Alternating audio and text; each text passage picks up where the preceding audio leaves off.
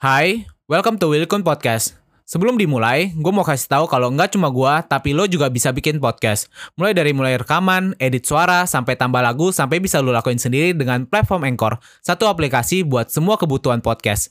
Bisa di-download dari App Store dan Play Store, atau bisa juga diakses dari website www.anchor.fm. Nggak cuma buat, tapi lo juga bisa langsung share dan publish hasil rekaman lo ke Apple Podcast, Spotify, Stitcher, dan lain-lain dari Anchor ini. Yang paling penting, Anchor ini gratis.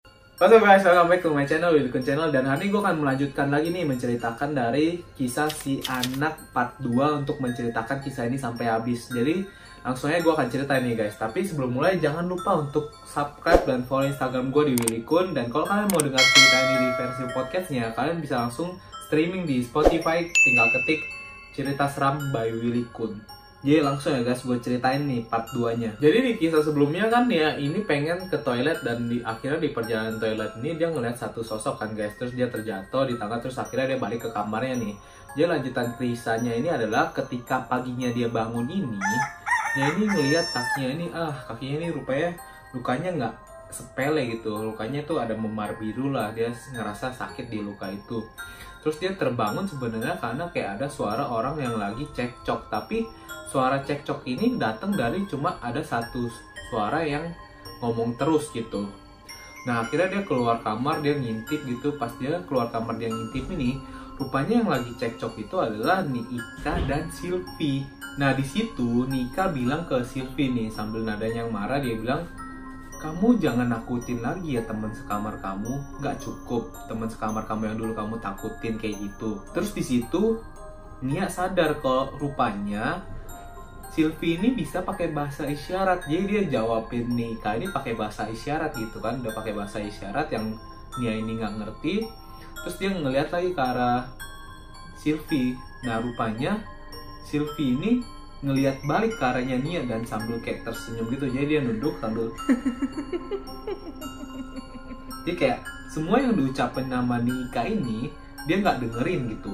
Nah, karena semalam kakinya Nia ini jatuh dan memarnya ini lumayan biru kan, akhirnya dia pas ngeliatin Nika sama Sylvie ini lagi cekcok, dia jatuh lah si Nia ini ke lantai gitu. Dan sontak di situ Nika langsung ngelihat ke arah Nia. Pas dia ngelihat, oh rupanya Nia ini lagi kuping pembicaraan mereka nih. Terus cepet-cepet lah Nika nih datang ke arah Nia, terus dia ngomong kamu lagi nguping ya nah sebelum si Nia ini sempat ngebales Nika ini udah ngeliat ke arah kakinya Nia nih terus dia ngeliat loh kaki kamu ini kenapa gitu? Kok biru kayak gini gitu? Nika ini tanya. Nia ini ngejelasin ke Nika kalau semalam itu dia jatuh di tangga. Nah tapi ekspresinya Nika ini seakan-akan kayak nggak kaget gitu dengan luka di kakinya kayak udah pernah terjadi yang kayak gini di rumah itu. Nah tapi Nika ini bilang ke Nia untuk istirahat hari ini. Jangan ke mana-mana terus kayak baringan aja lah di kasurnya istirahat ya terus Nia cuma bisa ngangguk iya gitu. Dan Nika juga bilang besok kamu tuh udah sekolah jadi kalau bisa hari ini kompres pakai es jadi besok udah bisa sekolah ya Nia gitu Terus akhirnya Nia kembali lah ke kamarnya dia ini. Nah akhirnya Nia ini kan istirahat seharian kan di kamarnya ini. Mungkin karena dia bosen nih akhirnya dia bangun lah. Dia ngeliat ke arah jendela, dia ngeliat ke halaman belakang ini. Nah dia kan ngeliat anak-anak lagi main terus ada selfie juga. Terus dia ngeliat ke pojok halaman belakang ini ada seseorang yang merhatiin ke arah kamarnya Nia nih. Tapi dia nggak kenal itu siapa. Jadi karena dia udah sangat bosen banget akhirnya Nia ini mutusin lah dia mau keluar dari kamar. Terus dia kan bangkit berdiri, dia pakai tongkat, dia jalan gitu pas dia nyampe di depan pintu kamarnya ini tiba-tiba kayak pintu kamarnya ini loncengnya ini bunyi ting. Padahal belum dipegang loh sama si Nia ini. Bunyi akhirnya dia pegang lah pintunya ini. Dia dia berusaha untuk buka. Loh tapi kok pintunya ini nggak bisa dibuka ya? Dia buka dia coba buka kenceng gini nggak bisa buka. Malah suara lonceng yang di depan pintu kamar ini bunyinya makin kenceng gitu. Akhirnya karena dia ngerasa dia nggak bisa ngebuka itu dia baiklah dia duduk lagi di depan jendelanya ini pas dia ngeliat-liat oh Sylvie kok udah nggak ada ya? Nah pas dia ngeliat ini tiba-tiba tuh pintu yang nggak bisa dia buka ini kebuka gitu. Gitu kan. Pas dia lihat oh rupanya itu Sylvie. Sylvie masuk ke dalam kamar terus dia kasih bunga yang baru dia petik itu ke Nia nih Nia. Nah setelah kejadian itu akhirnya Nia ini ngerasa ngeri gitu, serem ke Sylvie. Dia ini kayak bukan anak biasa, dia bukan anak yang memiliki sikap yang biasa gitu. Jadi sering nih pas malam hari, pas Nia sama Sylvie ini udah waktunya tidur, dia ngeliat Sylvie ini udah tidur. Terus tiba-tiba Sylvie ini kok nendang-nendang kasurnya dari atas gitu ke bawah. Duh, duh, duh, duh. Soalnya Sylvie ini kan tidur di uh, kasur yang atas kan. Nia ini tidur di bawah. Jadi Nia ini tahu kalau ada Sylvie ini nendang-nendang kasurnya. Terus pas Nia ini ngecek ke atas gitu dia lihat loh Sylvie ini tidur terlelap loh. Nggak nggak nggak masih bangun gitu. Dan dia nggak mungkin bisa nendang-nendang gitu. Tapi dia nggak tahu kok bisa begitu ya. Terus akhirnya dia lanjutin lah tidur. Terus pas dia udah lanjutin tidurnya ini hari-hari pun berlalu gitu. Tapi kakinya Nia ini yang tadi luka jatuh ini nggak kunjung sembuh gitu. Malah makin hitam gitu dari yang tadinya biru terus jadi ungu. Sekarang tuh lukanya ini udah makin hitam gitu. Nggak kunjung sembuh. Padahal luka yang cuma jatuh gitu karena dia nggak kunjung-kunjung sembuh juga akhirnya Nika bilang ke Nia ya udah kamu pergi sekolah lah pakai tongkat nggak apa-apa ya terus diperban soalnya kan dia maunya anak-anak di situ sekolah gitu seperti yang lain jadi akhirnya Nia pun mengiyakan. Akhirnya Nia pun pergilah ke sekolah pakai tongkat dan pakai kaki yang diperban ini. Jadi di hari pertama Nia masuk sekolah ini, anak-anak di sekolah itu nggak ada yang mau ngedeketin Nia, nggak ada yang mau berteman sama dia, malah cenderung ngejauhin Nia. Karena mereka itu tahu kalau Nia ini punya luka yang aneh. Terus mereka juga tahu di mana Nia ini tinggal. Jadi kayak udah ada desas-desus rumor di sekolah itu kalau anak yang dari yayasan ini biasanya tuh aneh gitu kan. Jadi mereka ngejauhin gak ada yang mau nemenin Nia Terus akhirnya adalah satu anak kecil gitu, seorang gadis yang seumuran dengan Nia ini. Nah di situ dia nyapa Nia, dia bilang halo. Tapi di situ Nia nggak jawab apa-apa dan lagi-lagi anak itu yang gadis kecil ini lanjutin ngomong e, luka di kakimu mengingatkan aku pada seseorang gitu yang pernah dulu sekolah di sini. Nah di situ Nia kayak bingung, hah? mengingatkan kepada seseorang. Nah setelah ngomong itu akhirnya gadis kecil ini lanjutin lagi. Iya dulu dia pernah sekolah di sini Nah lukanya itu mirip kayak kamu, tapi dia nggak terlalu lama sekolah di sini dan dia tiba-tiba keluar. Tapi setahu aku kayaknya dia tinggal di panti asuhan yang sama deh kayak kamu. Nah di situ kan Nia juga makin tambah bingung kan, tapi Nia juga nggak bisa jawab apa-apa dan tiba-tiba gadis kecil ini ngulurin tangannya dia bilang, iya namaku Ica gitu. Terus Nia ini membahas namaku Nia. Akhirnya mereka kenalan di situ dan mereka kayak ngobrol-ngobrol lah. Nah setelah percakapan itu akhirnya mereka mulailah ngobrol banyak dan Ica ini bilang rumah kamu itu angker ya. Dan ini lagi-lagi nggak bisa ngomong apa-apa karena dia juga baru di situ kan. Terus Ica ini juga menjelaskan kalau dia dulu tuh inget sama luka yang di kakinya yang ini karena ada satu orang kan yang mirip kayak dia dan anaknya itu di sekolah ini juga nggak ada yang mau nemenin. Terus dia cuma ada satu temen yang bukan dari sekolah ini yaitu seorang gadis kecil yang sekolahnya nggak jauh dari sini dan dia ini nggak bisa ngomong. Dia ini kayak tunawicara cuma bisa pakai bahasa isyarat gitu. Terus dari pembicaraan itu akhirnya Nia ini cuma bisa tertuju pada satu orang dong Sylvie tapi dia nggak ngomong apa-apa sih ke Ica. Dia kayak bilang oh gitu ya. Akhirnya Nia ini juga nanya ke Ica. Dia bisa ya pakai bahasa isyarat. Terus Ica bilang iya aku ini bisa pakai bahasa isyarat. Terus karena Nia ini tahu Ica bisa pakai bahasa isyarat. Akhirnya Nia ini nunjukin lah beberapa isyarat yang dia ingat-ingat yang pernah Sylvie ini ngomong ke Nika kan pakai bahasa isyarat. Terus dia nunjuk-nunjukin dia ulang-ulang. Terus kayak Ica ini kayak nebak-nebak oh ini ini ini berarti si anak gitu katanya ini kalau pakai ini artinya si anak gitu loh kok muncul lagi kata-kata si anak gitu padahal Nia ini nggak tahu maksudnya si anak ini apa. Terus kira Nia ini nanya lah ke Ica maksudnya arti si anak itu apa ya. Terus kayak si Ica ini juga jelasin aku juga nggak ngerti maksudnya si anak ini apa. Tapi kalau dia isyarat itu harusnya sih kata-kata yang muncul adalah kata si anak gitu. Terus akhirnya setelah perbicaraan kayak gitu, Ica ini bilang ke Nia, e, Nia, aku boleh nggak ya main ke rumah kamu nanti? Terus dia bilang ke Ica oh iya kalau kamu main ya udah nanti datang aja ke rumah aku setelah maghrib ya. Terus setelah pembicaraan itu akhirnya mereka ngobrol banyak terus selesailah. Nah setelah pembicaraan itu akhirnya mereka ngobrol-ngobrol dan akhirnya nah ini pulanglah ke rumah pas sore harinya ini. Nia ini bingung kok sikapnya Sylvie ini tiba-tiba kayak marah-marah mulu ke dia ya? Jadi muka ekspresinya ini kayak yang marah terus kayak nggak mau ngehirauin Nia dia nggak mau ngobrol lagi sama Nia terus akhirnya dia keluarlah dari kamar. Terus karena Nia juga bingung dengan sikapnya Sylvie yang nggak bisa ditebak. Terus kok berubah tiba-tiba kayak gitu? Akhirnya ya udah Nia juga nggak terlalu hirauin Sylvie lah.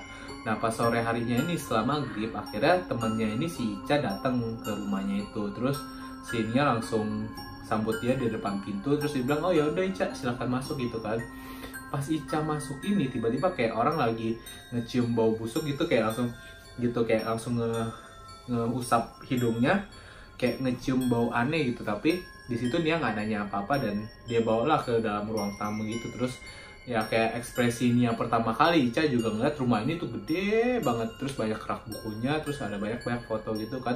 Tapi lagi-lagi ada satu foto yang buat Ica ini kayak tanya ke Nia Nia ini foto siapa sih kok gede banget terus di sini kayak mencolok banget lah kelihatannya gitu kan dan di situ Nia nggak bisa jawab apa-apa karena Nia juga bingung siapa sih sosok di foto itu dan dia juga nggak tahu kan dia nggak mendapatkan jawabannya ini selama ini.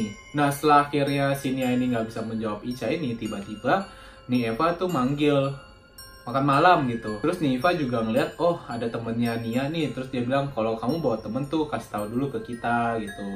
Nah terus di situ akhirnya nih Eva ini ngajaklah si Nia dan Ica ini untuk makan malam bersama. Dia mereka ke ruangan dapur anak-anak udah pada ngumpul tapi anehnya di situ nggak ada Silvi ya akhirnya uh, kursinya Silvi ini dikasihlah ke Ica. Jadi si Nia makan di sini Silvi makan di sampingnya. Nah, terus mereka makan makan makan kayak makan di rumah ini selalu nggak ada yang ngomong sama sekali. Jadi mereka makan tenang banget. Nah selesai makan ini kan kayak biasa mereka cuci piringnya masukin lagi kerak terus hmm, si Ica ini anehnya nggak ngomong apa-apa juga gitu. Terus selesai makan nih tiba-tiba Ica ini ngomong ke Nia. Terus dia bilang e, kamu cium bau amis gak ya? Terus Nia ini cuma jawab ah bau amis? Enggak kayaknya aku nggak cium apa-apa. Terus Ica ini balas lagi iya kayak bau amis ari-ari bayi gitu loh. Enak dong kayak Nia ini nggak tahu kok ngomongnya tiba-tiba kayak gitu ya. Dia kaget kenapa Ica itu ngomong kayak gitu. Terus setelah si Ica ngomong kayak gitu dia langsung lagi ngomong ke Nia nih Nia aku boleh gak ya keliling rumah ini? Aku mau lihat-lihat gitu. Tapi karena keadaannya udah malam Nia ini nggak tahu mau jawab kayak gimana. Tapi sebelum Nia ini sempat membalas Ica itu udah pergi langsung aja kayak lagi ngejar sesuatu gitu. Jadi setelah Ica ini pergi ninggalin Nia, akhirnya Nia ini berusaha lah buat ngejar Ica dengan kakinya ini yang masih sakit. Terus dia jalan perlahan-lahan ngelewatin lorong, dia ngelewatin koridor-koridor, dia ngelewatin pintu-pintu di sampingnya. Terus akhirnya dia ngelewatin lah satu ruangan yang tanpa lonceng di atas pintunya ini. Dia nggak suka banget suasana di pintu itu karena dia ngerasa kayak di balik pintu ini kayak ada yang memperhatikan dia gitu. Terus yang paling gak enaknya itu adalah kadang-kadang kalau dia ngelewatin pintu ini dia juga ngedenger suara tangisan di dalam pintu itu. Terus akhirnya dia ini mutusin lah untuk terus jalan. Nah dia nggak mau ngehirauin pintu yang tanpa lonceng itu dia terus jalan dia ngelewatin koridor demi koridor. Terus dia nyampe lah di gedung belakang yang dibilang sama Nika ini jangan main di situ kan. Nah akhirnya dia ngelewatin koridor demi koridor dia ngeliat kalau di sampingnya ruangan-ruangan ini tuh nggak ada yang ninggalin nggak ada yang nempatin. Nah dia lihat ada kayak kasur kosong. Dia di kamar-kamar itu beda kayak kamar yang di gedung depan ini kayak bangsal-bangsal rumah sakit jiwa gitu. Jadi pas dia ngelewatin uh, kamar demi kamar nih dia ngerasa nggak nyaman banget. Karena kayak ada yang lagi baringan di kasur yang kosong di bangsal-bangsal nih tapi dia nggak mau ngirauin dia terus jalan dia coba buat ngusir Ica yang tadi langsung jalan sendiri. Nah akhirnya dia nyampe lah di depan uh, satu pintu yang paling ujung nih. Terus dia buka lah pintunya. Nah di situ dia ngeliat Ica yang lagi jongkok gitu. Terus karena si Ica ngedengar ada pintu yang kebuka dia kaget lah. Terus dia langsung berdiri terus kayak nutupin sesuatu di bawahnya ini. Terus karena Nia ini penasaran apa sih yang ditutupin sama Ica ini? Terus dia bilang kamu nanam sesuatu ya? Di situ Ica nggak mau ngaku apa apa tuh dia nanam apa kan. Jadi dia di situ Nia langsung sontak ngedorong Ica ke samping buat ngegali apa yang udah dikubur sama si Ica ini. Dia gali gali gali gali gali terus nggak ketemu apa-apa. Akhirnya Ica ini bilang tuh kan aku tuh nggak nanam apa-apa Terus akhirnya Nia ini nanya lagi, terus kamu ngapain gitu gali-gali sesuatu di sini? Terus di situ Ica langsung bilang, iya aku tuh nyari kuburan dari janin-janin yang udah mati. Jadi si anak itu adalah janin-janin yang telah digugurkan, kata Ica begitu. Dari itu setelah Nia mendengar hal itu dia sontak dong, dia kaget loh. Apa nih maksudnya? Janin-janin yang udah dikuburin? Jadi di sini Ica coba menjelaskan kepada Nia nih. Katanya dulu yayasannya tempat tinggalnya Nia sekarang ini adalah Berangon. Berangon itu adalah tempat untuk menggugurkan kandungan atau menggugurkan janin gitu. Terus Ica juga ada menjelaskan kalau kamu lihat aja tuh sekeliling tempat kamu tuh tempat tinggal kamu tuh banyak pohon salak kan jadi pohon salak itu digunakan untuk nutupin bau amis darah janin yang udah digugurin terus dia bilang pohon salak selain untuk nutupin bau itu dia juga ada penunggunya katanya Nah di situ Nia bingung dong maksudnya penunggu itu apa. Terus Ica tuh ngejelasin iya maksudnya penunggu itu adalah ada sosok yang suka menjilati darah dari janin. Terus Nia itu tanya sosok apa sih? Terus di situ Ica berbisik ke Nia genderuwo. Nah setelah ngedenger hal itu, tiba-tiba pintu yang di depan dia ini langsung ketutup kenceng kebanting. Nah mereka tuh udah sangat kaget banget dong, jadi mereka langsung mutusin untuk keluar dari pintu itulah. Nah jadi mereka udah keluar dari pintu itu, mereka ngelewatin bangsal demi bangsal.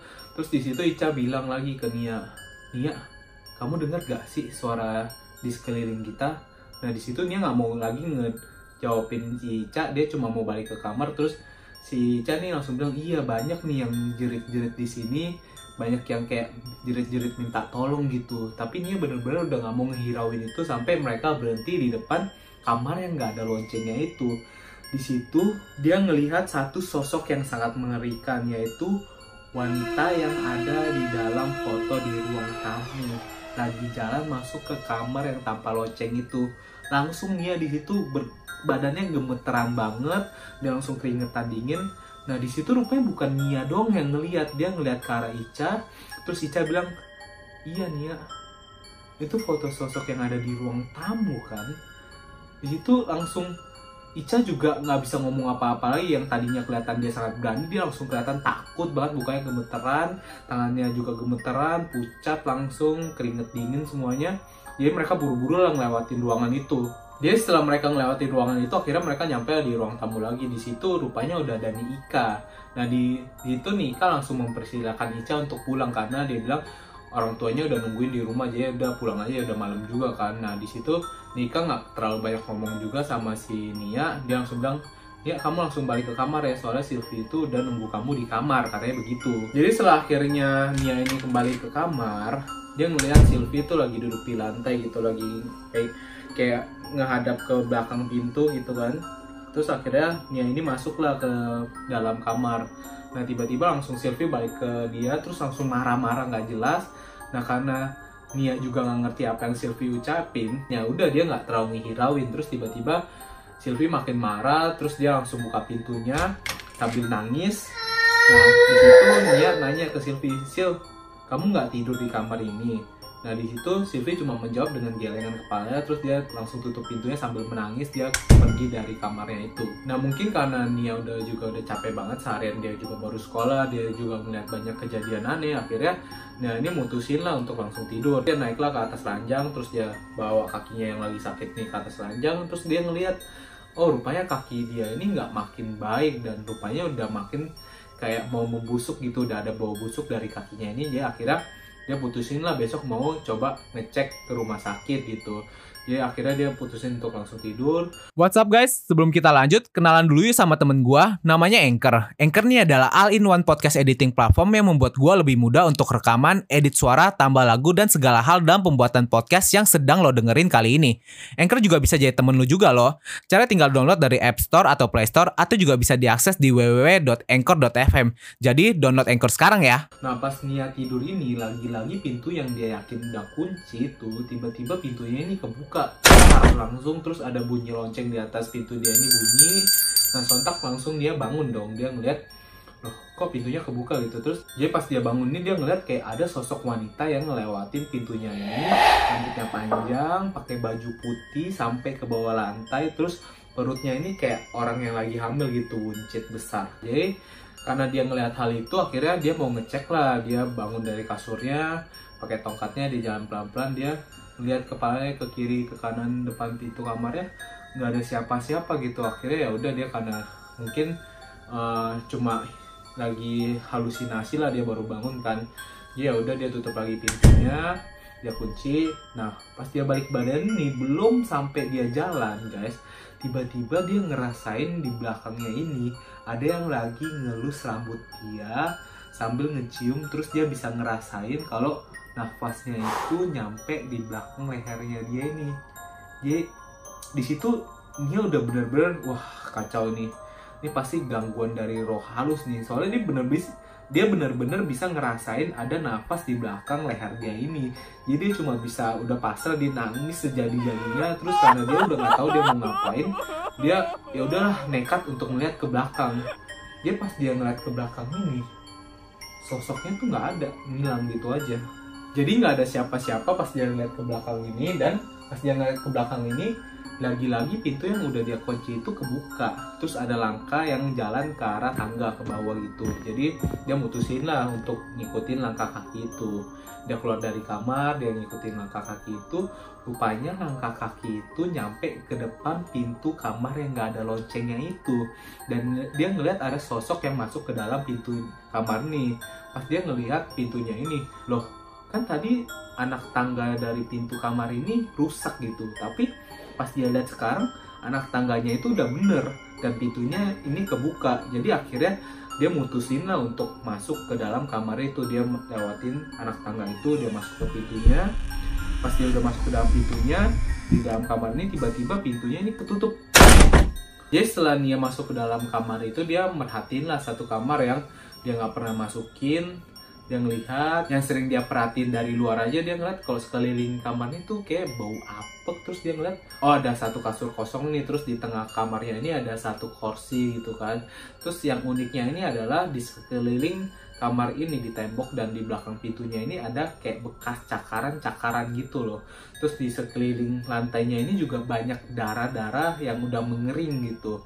Terus saat dia memperhatikan memperhatikan ini dia ngeliat ke atas langit-langit kamarnya gitu. Pas dia ngeliat ke atas dia kaget banget karena dia ngeliat ada satu tali gantung yang simpulnya ini masih nggak terlepas gitu. Dan dia yakin banget di situ kalau pemilik kamarnya yang dulu meninggal karena gantung diri. Terus setelah dia tahu kalau pemilik kamarnya udah pasti gantung diri dia mutusin udahlah udah cukup. Dia mau keluar dari kamar ini dia balik terus dia coba buat buka pintu kamarnya. Tapi pintu kamarnya ini tuh kekunci. Dia nggak bisa dia coba tarik tarik juga nggak bisa.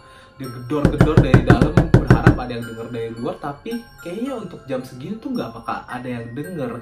Pas dia udah mulai gedor gedor gedor gedor dia tiba-tiba tuh kayak ngedenger suara ketawa bayi kecil gitu loh di bawah kasurnya ini kayak ada suara ketawa bayi kecil. Tapi dia yakin gitu itu udah pasti makhluk gaib dan dia nggak mau ngecek di bawah kasur itu ada apa gitu. Jadi tetap gedor gedor gedor gedor karena dia udah desperate banget dia udah nggak tahu mau ngapain. Dia akhirnya ngeliat lah di bawah uh, lubang kunci ini dia ngeliat dia ngintip. Loh tiba-tiba yang buat dia kaget itu adalah pas dia ngintip ini ada Sylvie di depan pintu dia dia teriak sil sil tapi anehnya ini Sylvie ini setelah melihat kalau Nia ini ngelihat ke arah Sylvie dia malah pergi ngejauh dari ruangan itu. Terus dia teriak lagi Sylvie buka pintunya Sylvie buka pintunya. Tapi malah si Sylvie ini pergi gitu nggak mau bantuin Nia sama sekali. Jadi karena dia udah bener-bener nggak tahu lagi gimana cara membuka pintu itu dan sosok Sylvie malah pergi ngejauh. Akhirnya Nia ini ngecek lah suara tawa bayi ini di bawah kasur. Dia jalan perlahan-lahan ke arah kasur karena kakinya masih sakit dia pelan-pelan tekuk dia ngeliat ke bawah kasur Loh, tapi di bawah kasurnya ini nggak ada siapa-siapa. Pas setelah dia ngeliat itu, tiba-tiba tuh di kakinya dia ini, dia ngerasa tuh ada sentuhan. Pertama kayak ada satu sentuhan, kok lama-lama banyak sentuhan gitu ya di kakinya dia itu. Akhirnya dia ngeliat lah ke arah kakinya ini. Sontak di situ dia sangat kaget banget karena di situ dia ngeliat ada sosok bayi yang masih berlendir merah darah lagi merangkak-rangkak untuk berebutan menjilati kakinya Nia ini. Nah, setelah dia ngeliat hal itu, dia udah nggak bisa ngapa-ngapain, dia teriak sejadi-jadinya, dan akhirnya dia itu pingsan di kamar itu. Pagi harinya setelah dia bangun ini, dia terbangun, dia ada di bawah lantai di kamar itu. Terus dia melihat kalau luka di kakinya ini udah makin parah banget. dia udah bukan bau busuk aja dia udah ngerasain kalau kakinya itu udah pasti ngebusuk gitu jadi udah bener-bener nggak bisa jalan. Kalau dia mau jalan dia pasti jatuh terus ngebentur lantai dia jatuh ngebentur lantai akhirnya dia merangkak lah dia ngerangkak dia coba untuk buka pintunya oh rupanya pintunya ini bisa kebuka. Akhirnya dia buka pintunya dia merangkak jalan jalan jalan jalan. Nah di situ dia ngeliat ada satu anak kecil. Nah anak kecilnya itu dia bilang e, tolong tolong tolong aku gitu panggil semua pengurus. Terus kayak anak kecil itu ngeliatin dia terus ngeliatin dia dia lanjutin lagi iya cepat tolong tolong aku gitu. Terus pas anak kecil itu ngedengerin si Nia ini ngomong kedua kalinya dia langsung teriak Nia nggak bisa ngomong gitu. Jadi di situ Nia itu nggak bisa ngomong nggak bisa didengerin. Jadi kayak tiba-tiba anak kecil itu ngedenger suara Nia ini kayak gagap kayak jadi tunawicara gitu. Jadi akhirnya setelah hal itu dia dibawa ke pengurus-pengurus nih ke Nika, ke Eva, ke Nielin untuk berobat gitu kan dia akhirnya Nika sama nih Eva sama Nielin ini bawalah dia ke dalam mobil gitu karena yang kelihatannya sih sepertinya hal ini bukanlah hal pertama yang terjadi di situ. Akhirnya dia dibawa ke mobil, dia dibawa pergi. Di perjalanan ini, Nia ini benar-benar nggak mau ngomong apa-apa ke Nia Eva atau ke siapa pun gitu. Dia cuma tutup mulutnya karena dia tahu biarpun dia ngomong nggak akan ada yang ngerti. Jadi akhirnya setelah perjalanan yang cukup lama, mereka sampai di satu rumah gitu. Jadi Nia ini dibawa turun dibantu sama Eva untuk turun dan dia masuk ke dalam rumah. Nah di dalam rumah ini ada satu orang sosok wanita tua di atas kursi roda yang didorong oleh satu gadis muda gitu. Rupanya sosok tua ini adalah pemilik dari yayasan yang tempat Nia tinggal ini. Dan sosok di belakangnya ini adalah seorang gadis yang kurang lebih umurnya ini mirip sama Nia. Dan rupanya dia itu dulu pernah tinggal di yayasan ini juga dan setelah akhirnya Nika ini ngobrol dengan sosok wanita itu akhirnya Nia ini tahulah kalau dulu ini sosok gadis muda ini dulu pernah tinggal di yayasan juga. Dan dia dulu tuh pernah ngalamin kejadian yang sama kayak Nia. Karena pas dilihat oh di kakinya ini tuh ada luka yang mirip sama kayak Nia. Terus pas Nia udah tahu itu Nia tuh coba ngomong gitu ke wanita ini kan si gadis muda ini Terus rupanya gadis muda itu ngerti apa yang diomongin sama si Nia. Dan dia malah membalas, iya kamu itu sudah melihat momok. Tapi tenang aja, kamu pasti akan sembuh gitu. Dia coba untuk menenangkan Nia. Terus akhirnya setelah sosok gadis muda ini coba untuk menenangkan Nia, nah sosok wanita tua ini memperkenalkan diri lah kepada Nia. Jadi sosok wanita tua ini adalah Niasi. Dia adalah pemilik dari yayasan yang ditinggali oleh Nia ini. Terus akhirnya dia setuju untuk membantu mengobati Nia dan akhirnya Nia ini uh, dibawa masuklah oleh sosok wanita tua ini dan sosok gadis muda ini ke satu ruangan dan mereka di perjalanan ini kayak ngelewatin satu lorong yang sama persis bentuknya kayak uh, gedung belakang halaman yang yayasan mereka nih. Jadi banyak bangsal-bangsal dan di situ banyak kasur-kasur.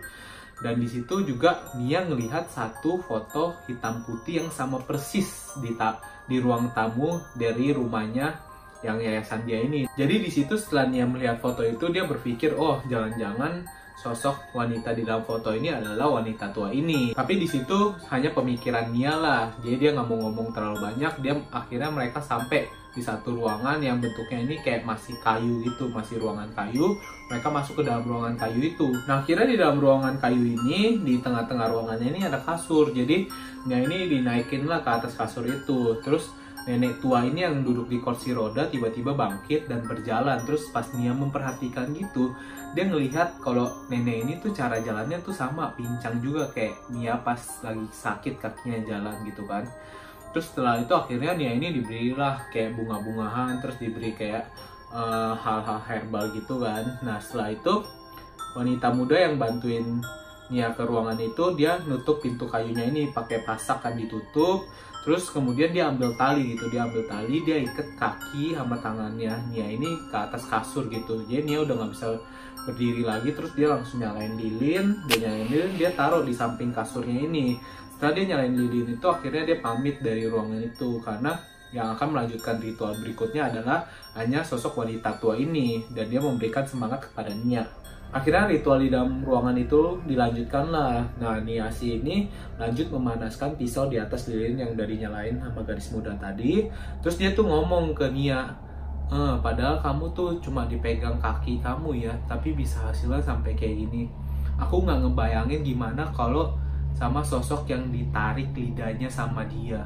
Dia ngomong kayak gitu tapi Nia cuma nggak ngerti apa yang dimaksudin sama Niasi. Jadi Niasi cuma lanjutin bilang tahan sakitnya ya karena abis ini akan sakit banget kata Niasi.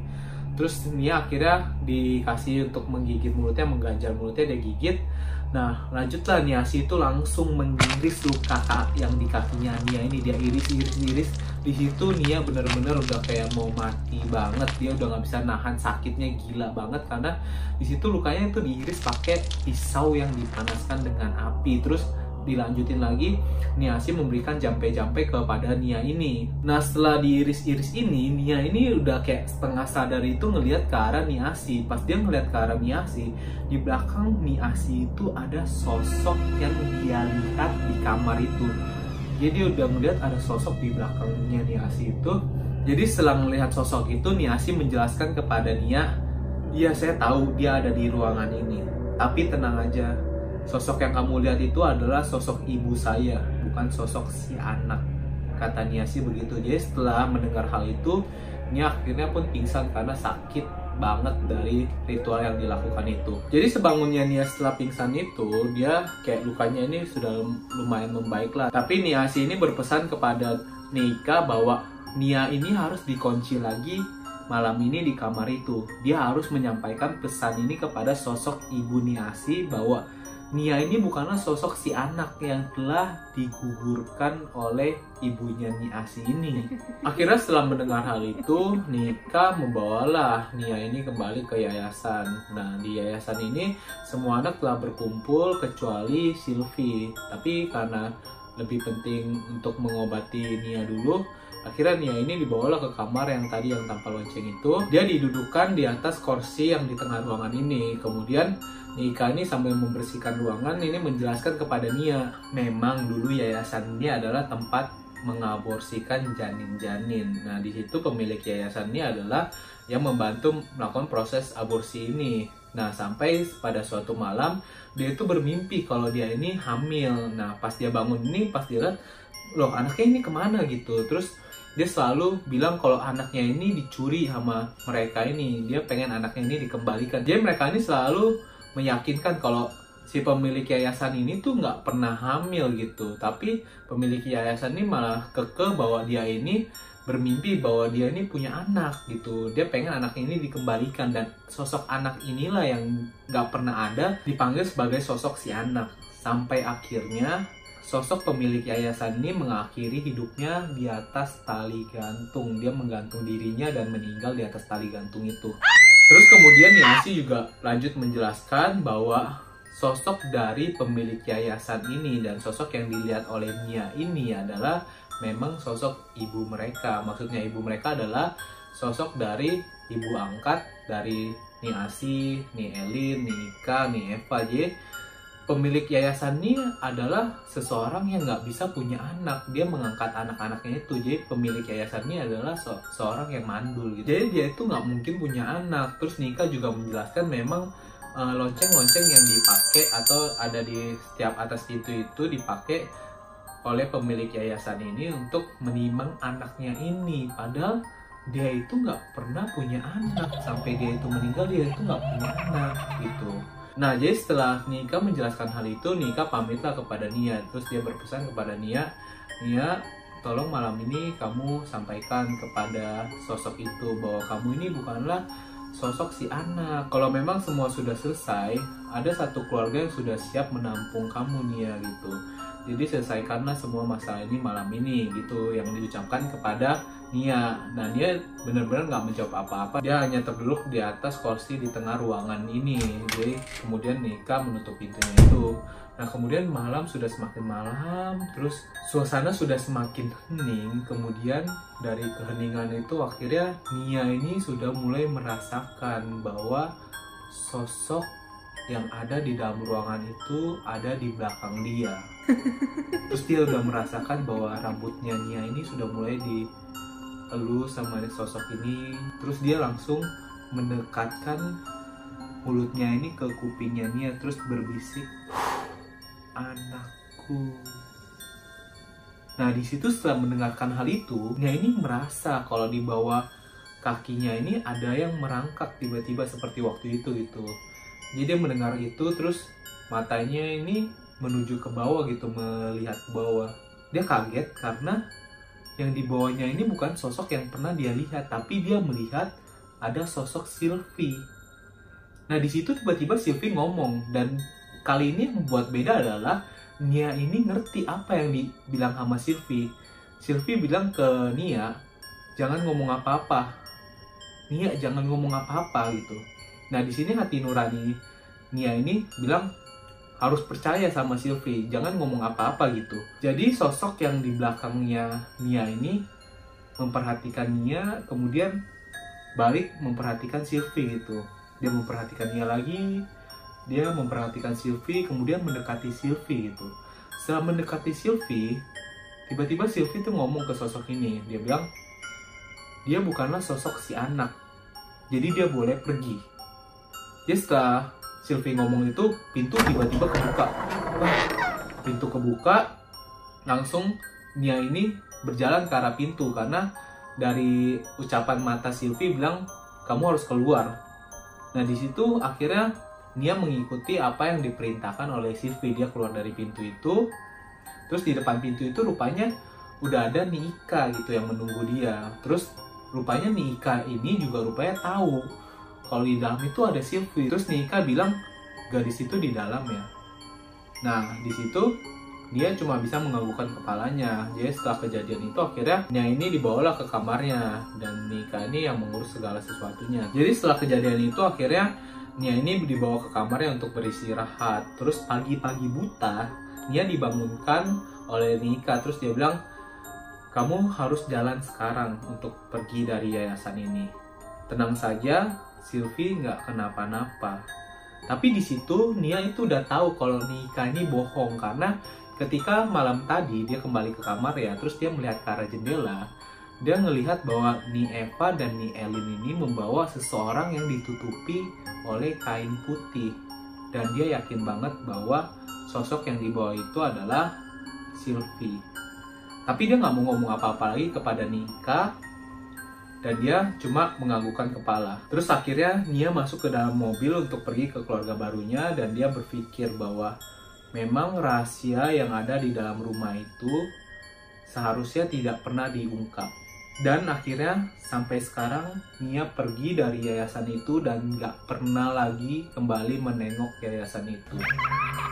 Jadi itu dia guys cerita dari si anak yang udah gue sampaikan kepada kalian jadi kisah ini benar-benar sangat mengerikan ya guys di panti asuhan dan rupanya di dalam panti asuhan itu banyak misteri dan rahasia di balik suatu dinding jadi itu dia guys, semoga kalian enjoy dengan video ini. Jadi see you guys in the next video.